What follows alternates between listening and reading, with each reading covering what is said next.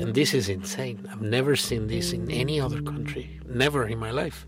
People eating from the trash, fighting about it. Eh, Når så mange er ensomme, så ligger jo på en måte ikke dette på, på individleger. Det ligger på systemet. Vi er i ferd med å ødelegge evnen vår eh, permanent kognitivt i hjernen til å konsentrere oss over lengre tid. Radio Novas samfunns- og aktualitetsmagasin gir deg historiene, sakene og debattene andre overser. Aldri redd, alltid balansert. Opplysningen 99,3. I går kveld kom EU med en uttalelse hvor de krevde humanitære pauser i Gazastripen etter et toppmøte i Brussel. De ønsket å jobbe tett med regionen for å beskytte sivile liv, tilby bistand og skaffe tilgang til mat, vann, medisiner, drivstoff og husly, og sikre at dette ikke blir misbrukt av terrororganisasjoner. Norges utenriksminister Anniken Huitfeldt sier at Norge fordømmer blokaden av Gaza, og mener at Israel har begått klare brudd på folkeretten i landets respons på terrorangrepet fra Hamas. Men hva, egen, men hva innebærer egentlig et brudd på folkeretten? Jeg har sett litt nærmere på akkurat dette. Ordtaket sier at alt er lov i krig og kjærlighet. Men i virkeligheten stemmer ikke dette helt.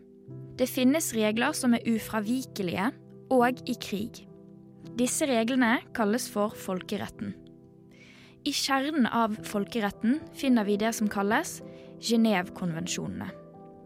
Så hva er Genévekonvensjonene? Kort sagt er Genévekonvensjonene en slags regelbok for hva som er lov, og hva som ikke er lov under kriger og konflikter. Avtalen skal redusere lidelser i krig og beskytte mennesker som ikke deltar i kampene. I dag er det fire forskjellige Genévekonvensjoner. Alle disse fire ble dannet som et resultat av hver sin væpnet konflikt. Den første og den andre Genévekonvensjonen kom i forhåndsvis 1864 og 1906. Disse legger til rette at sanitetspersonell og skadde soldater til lands og til sjøs ikke lenger er en del av krigen, og derfor ikke lovlige mål. De skadde har derimot krav på respekt for eget liv, skal beskytte og behandles medmenneskelig, og har rett på hjelp uten forskjellsbehandling. I tillegg til dette ble det slått fast at det ikke lenger er lov å drepe en motstander som frivillig har overgitt seg. Om soldaten er skadet, skal de pleies av den parten som har de i sin varetekt. Den tredje Genévekonvensjonen fra 1929 kom etter første verdenskrig. Denne konvensjonen fastslår at krigsfanger skal behandles humant. Krigsfanger skal ikke straffes for å ha deltatt i krigen, og skal slippes fri når krigen er over. Krigsfanger har òg rett på flere ting, som bl.a. mat og drikke, klær, helsehjelp, et sted å bo, ettersyn og kontakt med familien. Den fjerde Genévekonvensjonen ble skrevet under i 1949 og var et resultat av andre verdenskrig. Her var omtrent 50% av ofrene sivile. I denne konvensjonen blir det fastslått at sivile ikke er lovlige mål. Sivile som er i fiendens varetekt, skal respekteres. De skal beskyttes mot enhver form for vold og represalier. De skal ikke stå til ansvar for noe de ikke har gjort. De skal òg kunne opprettholde forbindelsen med sine slektninger. Sårede, syke, gravide, barn og ungdom skal ha spesiell beskyttelse. I tillegg til disse fire konvensjonene er det tre tilleggsprotokoller, men for enkelthets skyld nevner jeg bare to. Den første tilleggsprotokollen ga enda flere regler i væpnet konflikt mellom to stater. Dette er bl.a. muligheter for opprettelse av områder og soner med særskilt beskyttelse. Helsepersonell er blitt gitt økt beskyttelse. Det er forbudt med angrep som ikke skiller mellom militære mål og sivile personer eller gjenstander. Utsulting det er forbudt. Og kvinner og barn de er gitt ekstra beskyttelse. Den andre tilleggsprotokollen jeg vil nevne, etablerer at Det røde korset, den røde halvmånen og den røde krystallen alle er et beskyttelsesmerke. Emblemet skal brukes for å synliggjøre helsepersonell eller medisinske installasjoner som skal hjelpe syke og sårede, uavhengig av hvilken part de tilhører. Men det er òg et annet begrep som er viktig å ta for seg når man skal snakke om folkeretten. Dette er proporsjonalitet. At et angrep er proporsjonalt, vil si at mulige sivile tap skal forklares med mulig militær gevinst.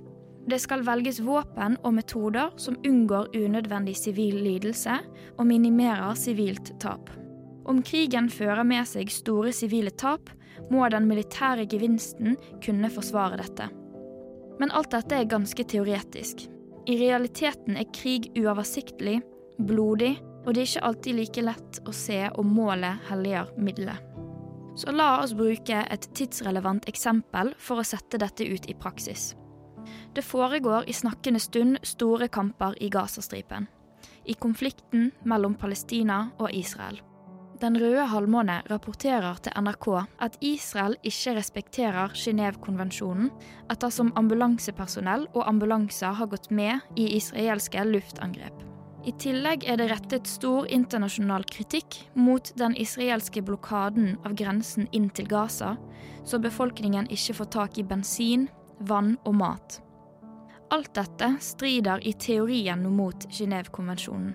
Men som Cecilie Hellestveit forklarer til NRK, kan alt dette vurderes som lovlig per nå pga.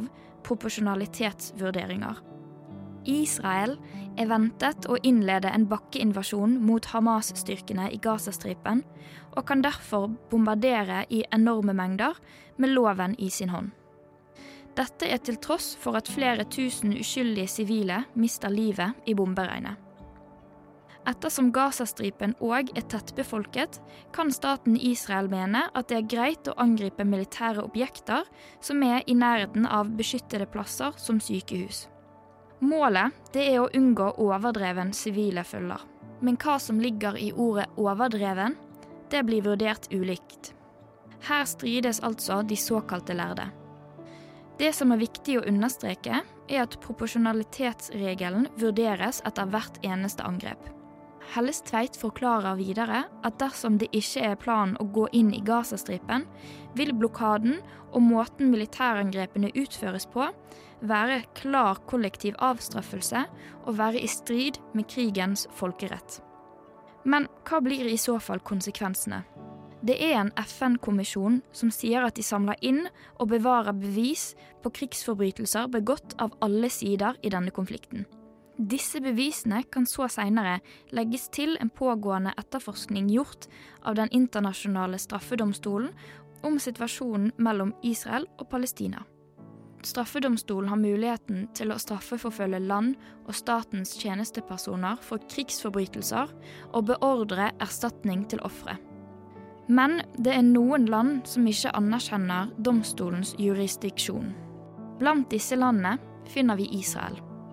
Palestina derimot anerkjenner domstolens juridiksjon og vil dermed måtte ilegge seg den straffen som domstolen potensielt måtte dele ut til de.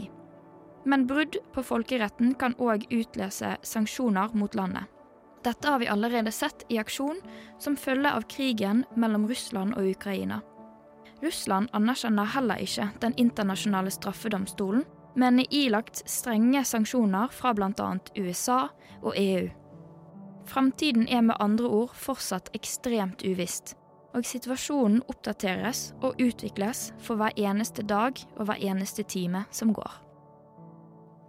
Medvirkende i denne saken, det var meg, Lise Benus.